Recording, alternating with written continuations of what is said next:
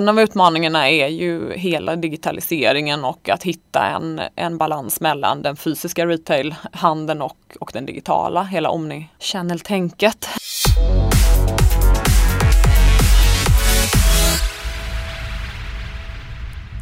Är du svensk så känner du till modehuset Philippa Co.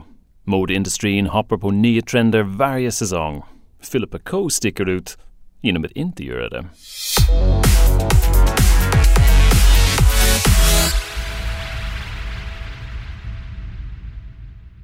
Ellen Dixdotter, marknadsdirektör Philippa K. Jättevälkommen till Contentpodden. När du går på gatan och du tittar runt på folk på, på stan, tänker du oj den där killen har ingen modesens överhuvudtaget? Like, oj, han borde ha tänkt sådär eller hon, varför har hon de där? Nej, inte direkt skulle jag nog inte säga. Jag är nog mer, mer skadad så jag försöker spotta om någon har Filippa K eller inte. Okej. Och, och tänker nog att det var fint. Okej, och är det många som har Filippa K när du går på gatan? Ja men i Stockholm är det ju det, absolut. Jag känner mig lite mer lättad därför att jag tänkte jag är nog den personen som inte har någon modekoll överhuvudtaget. Och nu känns det lite bättre att du, du inte i alla, i alla fall tittar så Jag har noga. inte dömt dig än. Nej men vad bra, inte än, exakt. Det är väl bra. Jag ska sätta på mina foppatofflor när du lämnar. Eh, Filippa K, ni har kommit ganska långt när det gäller arbetet med hållbar material och, och ni sticker verkligen ut nu idag um, på modescenen. Hur har den sort of processen sett ut? När, när valde ni det spåret? Men jag skulle nog säga att det alltid har varit med oss ganska naturligt sedan starten 93. Eh, mycket genom att vi har haft eh, att ha en hållbar både stil och kvalitet som ett av våra ledord sedan vi startade. Eh, och det finns ju en, en, hållbarhet i det och en långsiktighet. Sen så, och sen så har vi arbetat mycket med, med både produktionsledet och, eh, och värdekedjan genom att jobba med samarbetspartners och sådär under, under ganska lång tid. Men jag tror att det var 2014 som vi verkligen byggde in det i vår vision eh, och bestämde oss för att det är inte good enough. Eh, det gäller att verkligen ta det ett steg till eh, och eh, bestämde oss för att, att arbeta med hållbarhet som ett, eh, ett, ett sätt att nå våra mål. Är det ett sätt också att sticka ut eller positionera er jämfört med konkurrenterna? Alltså incitamentet för hållbarhet har ju inte varit att sticka ut men däremot kanske paketeringen av det eh, för att eh, förtydliga för andra och inspirera andra att det är väldigt viktigt att, att lyfta de här frågorna. Därför att modebranschen generellt sett, och jag kan ha fel, men jag får känslan att de inte är super hållbart medveten generellt sett. Det är inte den man tänker på när man tänker på modebranschen. Nej, det finns ju stora problem såklart, eh, framförallt i produktionsledet. Eh, sen är det väldigt varierande. Det finns ju många som är jätteduktiga och, och, och sådär och det beror väl också på om man tittar på Sverige eller inte Sverige. Många, många i Sverige är ganska duktiga skulle jag säga. Eh, när det gäller just priskänslighet, därför att de egentligen bryr sig inte så mycket om vad det kostar så länge den här är gjort på ett bra sätt eller på ett hållbart sätt. Eller hur, hur är det? Eller är det Nej, det skulle jag nog inte säga. Alltså det, det hänger ju alltid ihop också med, med ett estetiskt val. Vi är ju inte främst ett hållbarhetsföretag företag utan vi är ju ett, design, ett designföretag. Så att det är nog mer att, att man kräver att båda delarna finns. Och sen tror jag kanske inte våran kund heller är den vi är ju inte i det allra priskänsligaste segmentet. Vi är ju ingen, eh, ingen high street-kedja och vi har ju inte så, inte så snabba cykler som många andra modeverken har. Eh, så jag skulle mer säga att det liksom är, det är två sidor av samma mynt på något mm. sätt. När det gäller alla trender som sker, hur förhåller ni er till, till alla trender i, i branschen? Ja, men vi försöker ju stå bortanför lite grann i alla fall det som är de snabbaste trenderna. Sen så är det viktigt att alltid vara moderna och uppdaterade såklart. Eh, men vi har en väldigt eh, hållbar stil och en, en tidlöshet i vår estetik som gör att vi eh, vi tror att det är där vår styrka ligger, inte att, att hoppa på de, de tydligaste trenderna varje säsong. När det gäller just marknadsföring, jättebred fråga. Hur jobbar ni eh, marknadsföringsmässigt? Oh, wow. ja, berätta om hela marknadsplanen, vad det kommer att göra de 10 15 år framåt. Mm, nej men vi jobbar eh, jättebrett såklart, precis som frågan är ställd. Men, men, men vad vi försöker jobba mer och mer med är att verkligen sätta kunden i fokus och hela tiden tvinga sig tillbaka till någon form av relevans. Och för att bli lite mer konkret så jobbar vi ju inte jättemycket med köpt reklam eh, längre. Vi har gjort det många år tidigare eller förr. Nu, nu jobbar vi mycket mer med att försöka skapa content och finnas där kunden är. Och den omställningen, har det varit svår eller menar, att gå från mer köp till mindre köp och mer content? Ja, Eh, det har det, absolut skulle jag säga. Eller det är ju ett test varje dag nästan i princip. I, och framförallt kanske om man, om man pratar om ganska komplexa frågor som, som hållbarhet till exempel. Eller, eh, eller sådär. Men, men eh, på något sätt så kan man ju ändå känna att man får ett tydligare gehör hos slutkund än om det bara är en bild. För, alla mät, mätningar också, om sånt blir så det blir så generiskt och lite svårt att, att skapa kvalitet kvalitetsanalys av det. Mm. Eh, på samma sätt som att jag vill inte heller stirra mig blind bara på hur många följare vi har utan det som är intressant i det här läget är ju att se vad engagerar dem? Vilken tid på dygnet engageras de? Eh, genom till exempel, vi har haft, vi hade nu i våras var det som vi initierade ett pilotprogram som vi har som innebär att vi involverar och bjuder in våra kunder till att vara med och, eh, och ta del av en diskussion och en utveckling om, om oss. Eh, det kan vara om hållbarhet, det var det nu senast, men det skulle också kunna vara, handla om eh, konsumtion eller stil eller... Hur väljer man in kunderna då? Men är det någon tävling eller? Är det... Nej, vi ställde en öppen fråga på Instagram faktiskt och var inte alls beredda på det enorma intresse. man vet ju inte, det är så många av sådana här saker som är eh, lite eh, man får testa sig fram och vi visste inte alls vad vi skulle förvänta oss. Men det var helt otroligt vilka ambitiösa ansökningar som kom in utan att vi ens bad att de skulle göra någonting. Vi... Så ni, ni, ställde frågor, är det någon som är intresserad av att hjälpa ja. i, nästa utvecklingen och så fick ni en Precis. storm av Precis så okay. var det. Hur många följer det på Instagram? Eh, 116 17 000 kanske okay. ungefär nu. Och så, så ni hade så, så många när ni gick ut med den här frågan? Ja, nu har vi växt, vuxit ganska snabbt det senaste så att okay. då var kanske vi hade 100. Okay, men så det var ändå många. Det var ändå ganska det många. var väldigt många. Exakt. exakt. Verkligen. Okay, så ni, ni var inte för beredd för att ta hand om, om den här mängden. Därför det ställer lite andra krav också när man involverar målgruppen på ett mm. annat sätt. Visst. Men, uh, hur har ni kunnat hantera den slags den ändring i, i hur ni jobbar marknadsföringsmässigt? Ja, men jag tror att det handlar liksom om att vara agil och inlyssnande och samtidigt trygg i vilka man är. För att är man trygg i vilka man är så är det också lättare att få input och kunna, kunna vara lyhörd och öppen för input från kunden. För någonstans är det ju tack vare kunderna vi, vi överlever och det är klart att med alla sociala medier så finns det ju helt andra möjligheter. Vi har ju aldrig haft en dialog innan med våra kunder. Vi var jättesena med att ens ha en sajt i princip. Eh, eller en e-handel i alla fall. Det har vi bara haft i nästan två år. Så digitalt sett så är vi gröngölingar. Men men, därför just när det gäller resurshanteringen, eh, när man köper media som ni har mm. gjort förut, mm. men då kan man beställa, köpa Visst. den och få tillbaks lite siffror hur många människor har, har sett den här mm. tv-reklam eller har blivit exponerad till en, en tidningsannons. Men när ni pratar med målgruppen, ni måste ha folk på plats hos er antagligen för att kunna ta emot eller, eller folk som hjälper er i så fall? Ja, absolut. Så är det ju. Mm.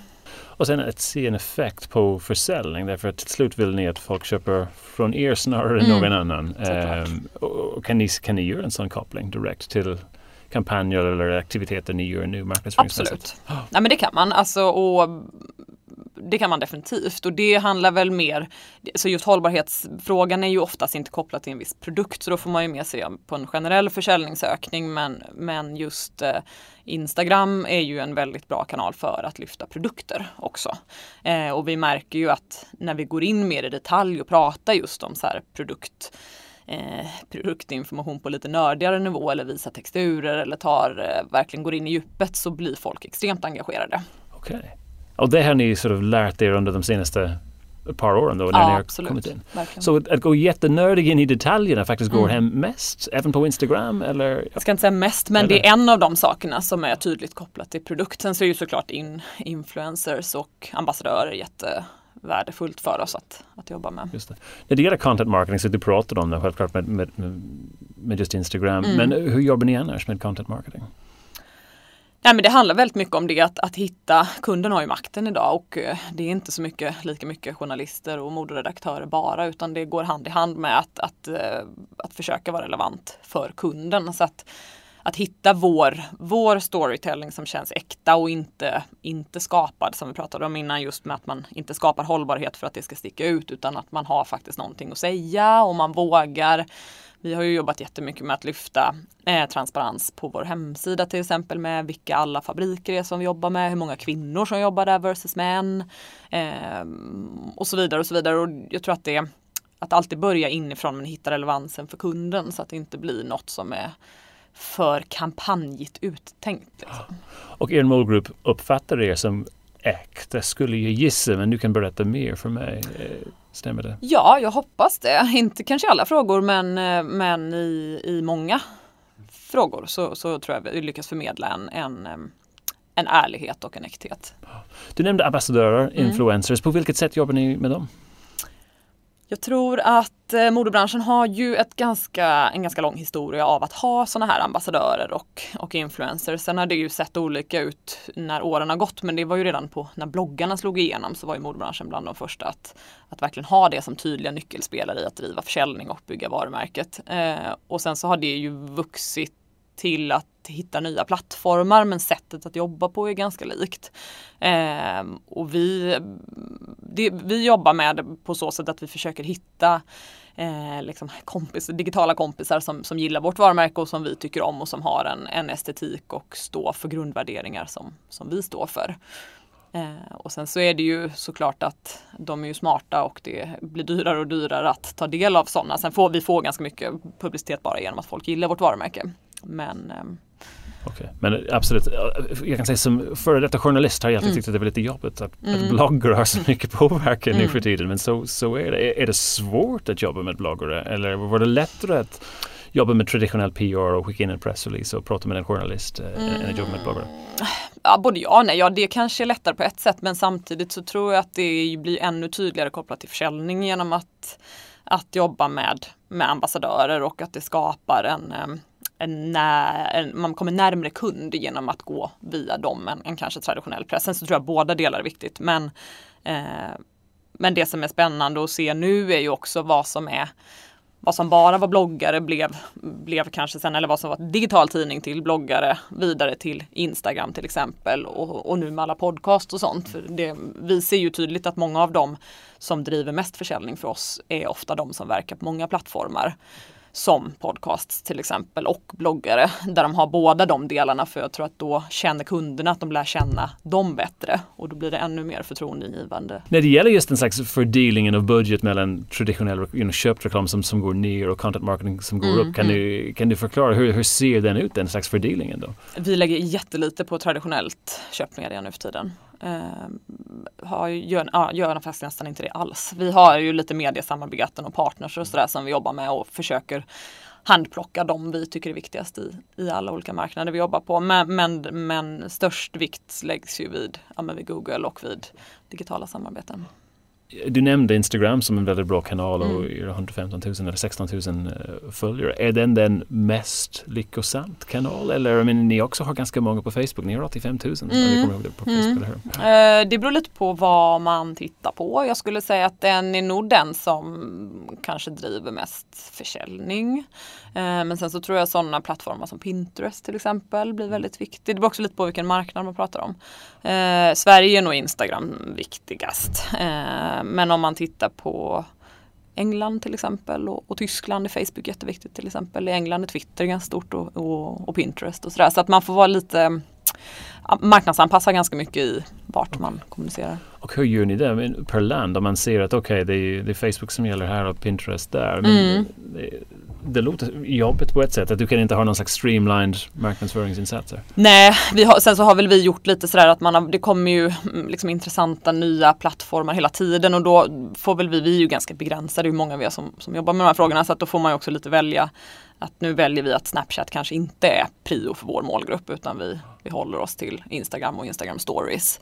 Eh, och på Twitter kanske vi har, där kanske det känns viktigare att prata mer om bolagsfrågor och, och hållbarhetskommunikation och sådana saker så att man anpassar lite både, både kanal och budskap. Eh, men såklart ändå ha samma grund i allt man säger. Men det är, det är lite trixigt och, och och sådär. Oftast är det ju Sverige är ju ganska snabba och ganska långt fram i att anamma trender digitalt. Vi har ju marknader som Tyskland, Holland, Belgien som inte, inte alls är lika snabba.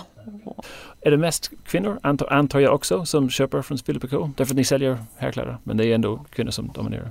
Ja men vår målgrupp, ska jag säga, vi har, vi har en ganska bred målgrupp men um, låt säga att den är mellan 25 och 45.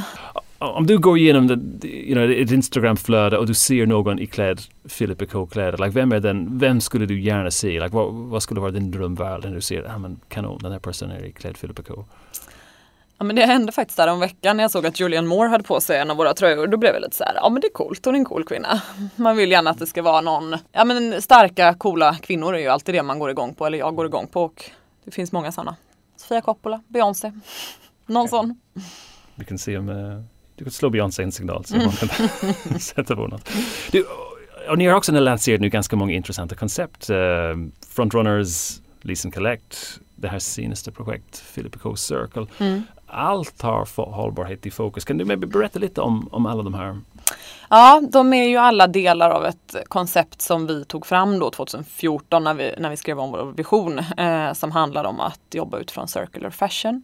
Eh, och det, hela, det, hela det konceptet handlar ju om att förlänga livet egentligen för för din garderob eller att kurera en garderob som är hållbar helt enkelt. Både bakåt i värdekedjan i, i hur produktionen går till och att använda hållbara material och, och producera på ett eh, rättvist sätt men också att se hur man kan förlänga livet på produkten när den väl Ehm, landat i butik och sen eh, köpt, köpts av en kund. Och då lanserade vi LIS som är ett uthyrningskoncept som innebär att allt du ser i en Flippa K-butik i princip går att hyra. Och sen så har vi second hand som vi ju har haft under väldigt många år faktiskt eh, genom en fysisk butik eh, men som vi håller på att titta på att utveckla ytterligare. Och sen så collect är då att man kan lämna tillbaka plagg som man inte längre använder. Eh, och är de i fint skick så går de då vidare till second hand. Och är de i eh, sämre skick så går de antingen till välgörenhet eller återvinns i form av sitt material. Och hela det här Circle-projektet som, som ju även har en, en hubb online handlar ju om att bjuda in och eh,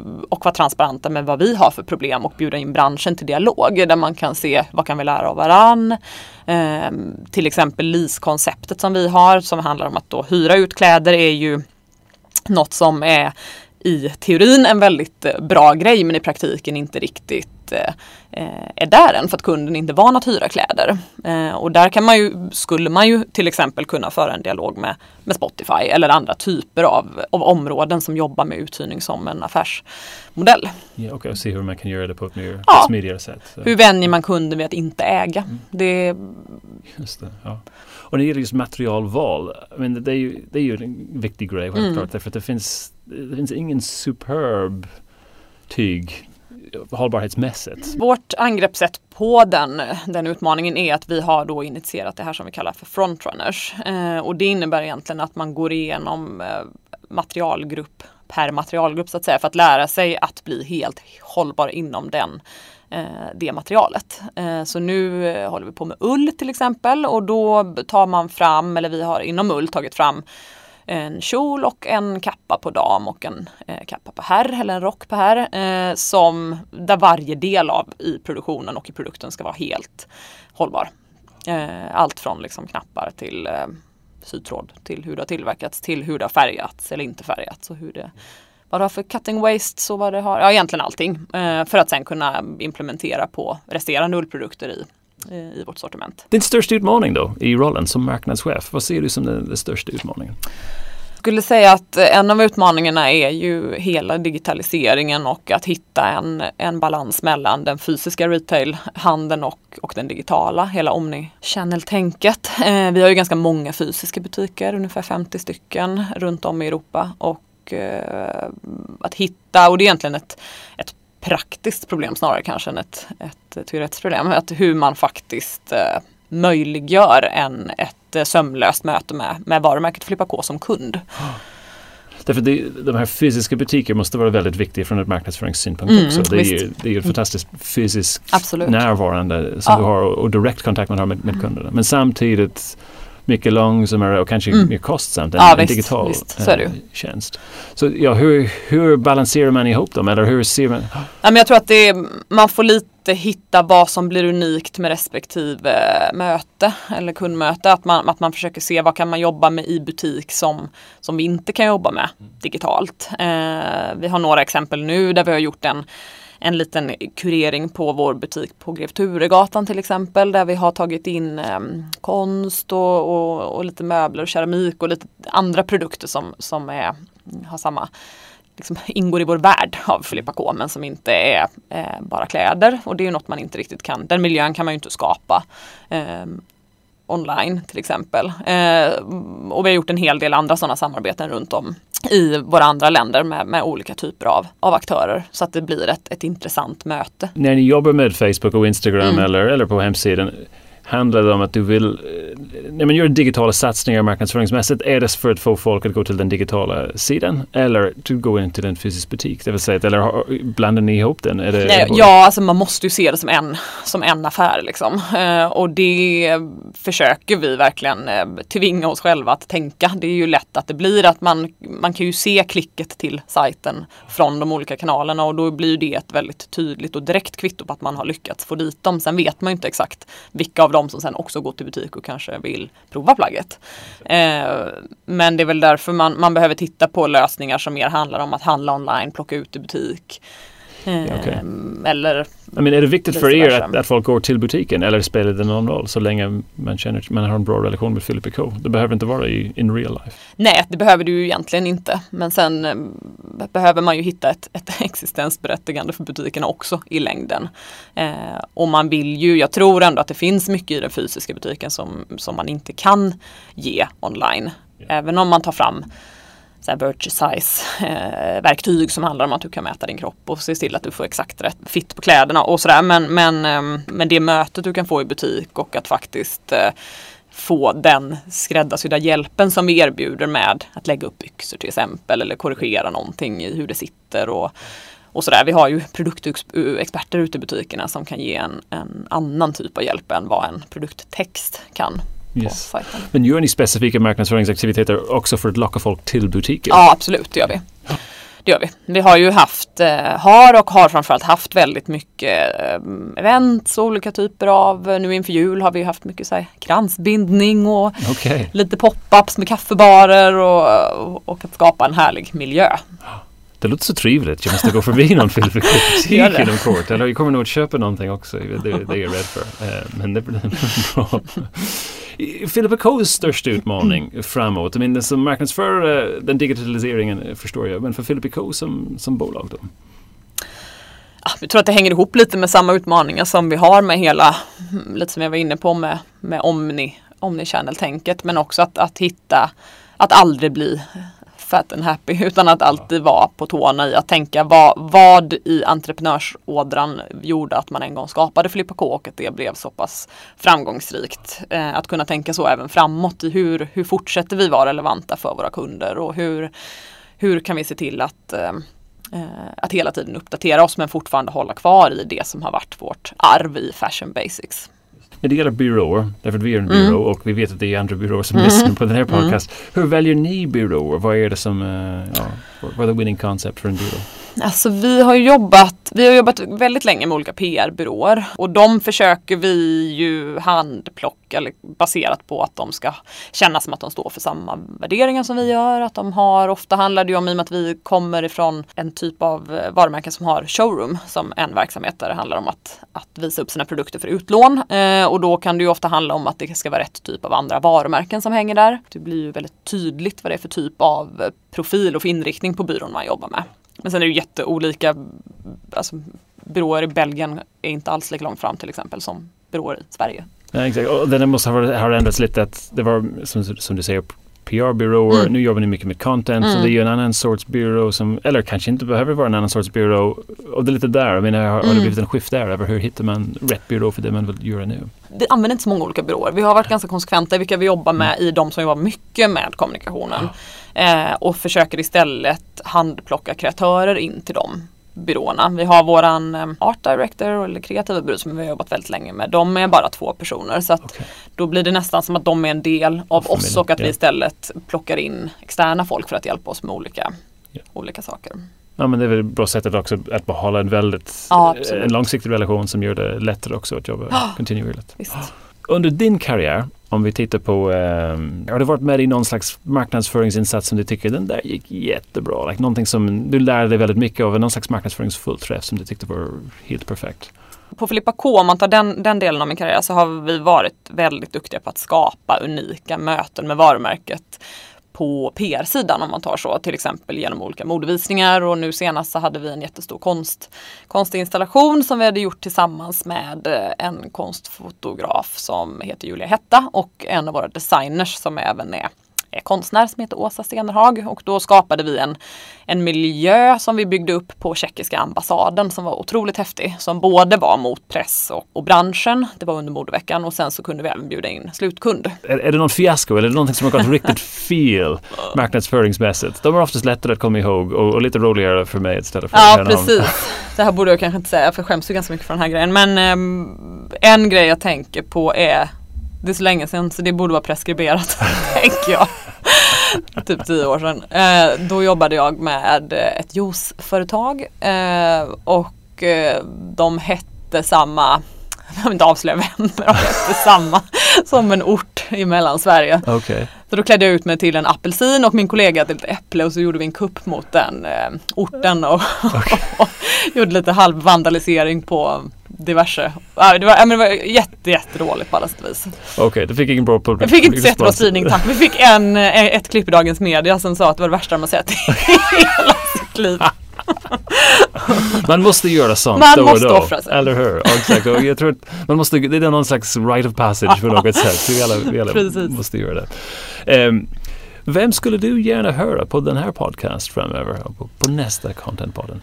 Mm, jag tänker att det vore intressant att man skulle kunna prata med Andreas Eriksson som är kommunikationschef på Unicef. Eh, de har gjort många intressanta kampanjer och kommer ju med en väldigt, väldigt viktig fråga i bagaget.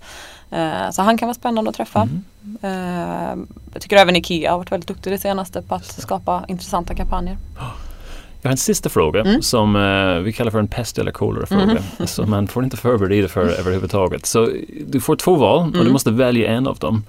Uh, det första valet är att Philip Co bestämmer att de ska ha en helt ny kollektion som är väldigt starkt mönstrad och bara i polyestertyg. Och ni ska ut och, och marknadsföra mm. det hållbara företag som ni är. Eh, och den andra är att ni ska använda Bert Carlson som er nya ansikte utåt.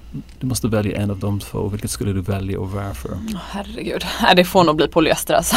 Jag tänker att det Om vi skapar ett riktigt långt liv på polyestern och hyr ut den i tio år framöver så kanske man Ja, man kan få det att funka ändå. Ja. Jättebra. Ellen Dixdotter, stort tack för att du var med på Counterpodden. Tack.